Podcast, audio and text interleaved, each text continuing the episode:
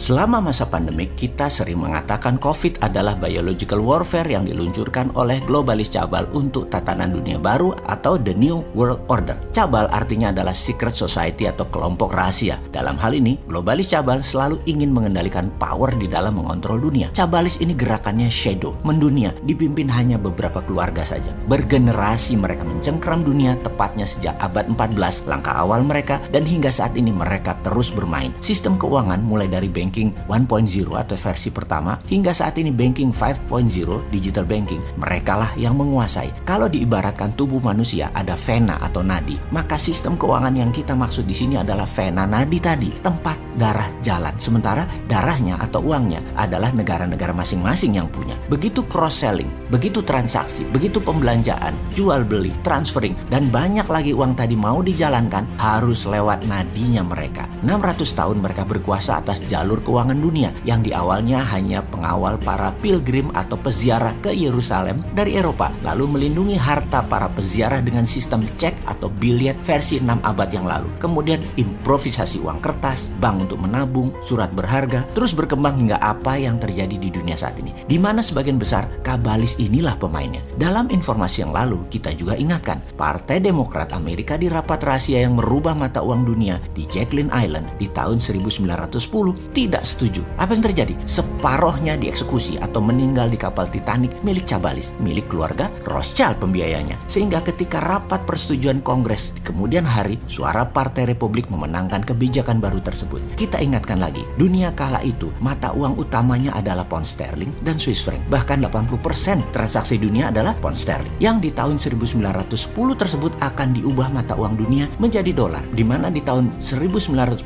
hal ini akhirnya terjadi dengan dengan dua perang besar dunia terjadi. Perang dunia pertama dan perang dunia kedua. Lalu dolar berkuasa hingga saat ini lebih dari 70% transaksi dunia internasional menggunakan dolar. Yuan yang kita idolakan hanya 1,6% transaksi dunia. Lalu mengapa COVID diluncurkan 2019 kemarin? Maka kita bocorkan sekilas agar menjadi pemahaman. Saya tidak akan keberatan atau terhina jika hater atau buzzer mengatakan ini semua informasi halunya bosman. Monggo, Anda untuk tidak percaya. Tetap tapi tetap saja saya ingin berbagi. Selain memberikan informasi juga solusi apa yang negara atau pejabat muda nanti lakukan sebagai referensi. Kita beri list apa yang mereka lakukan dalam 20 langkah. 10 sudah kejadian dan 10 lagi belum dan pasti akan terjadi. Apa itu? Satu, kendali atas media utama dan pejabat di semua negara yaitu saat ini lebih dari 190-an negara di dunia dan sekarang mereka sudah kendalikan. Dua, meluncurkan virus yang sedikit lebih mematikan dari influenza. Tiga, membombardir dunia dunia 24 jam sehari 7 hari seminggu secara masif betapa mengerikan virus tersebut. 4. Seluruh dunia pastikan menggunakan masker,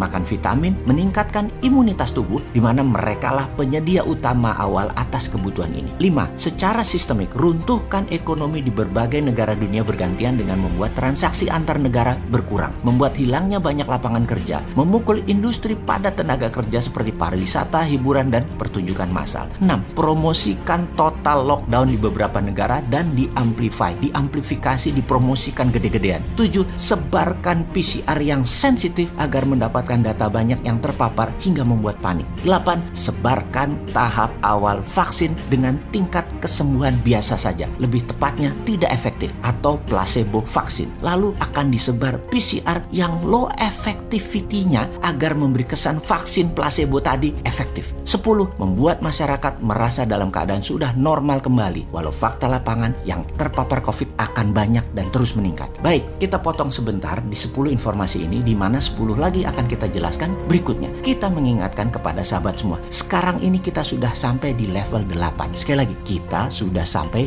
di nomor 8. Yang 9 dan 10 adalah langkah selanjutnya sebentar lagi. Realitanya nanti berita COVID akan mulai meredup dan hilang atau dihilangkan. Seperti yang kita katakan berkali-kali, November setelah Pilpres Amerika di mana Amerika COVID dipakai sebagai political tool untuk memukul Trump. Kemudian hari, baik Trump menang atau Biden menang, berita COVID di dunia akan turun terus dan dalam satu tahun ke depan akan semakin kecil, bahkan hilang. Jadi COVID masih akan beredar, bahkan masih akan banyak yang terpapar. Dibangun narasi masyarakat merasa sudah divaksin, pede, dan mereka berani keluar rumah lagi untuk melakukan hal yang dulu mereka rindukan. Ketidakhati-hatian muncul, sehingga akan banyak yang terpapar lagi. Pastinya ini semua akan membuat kacau masyarakat dan membingungkan bernegara. Lalu dunia panik lagi, ekonomi dunia berantakan lagi, ekonomi bernegara berantakan lagi. Korban COVID terus saja berkelimpangan. Sekali lagi, berita utama dunia, informasi COVID ke depan hanya berita dari mulut ke mulut para korban yang 10 persenan yang memang cukup efektif untuk membekukan ekonomi sebuah negara.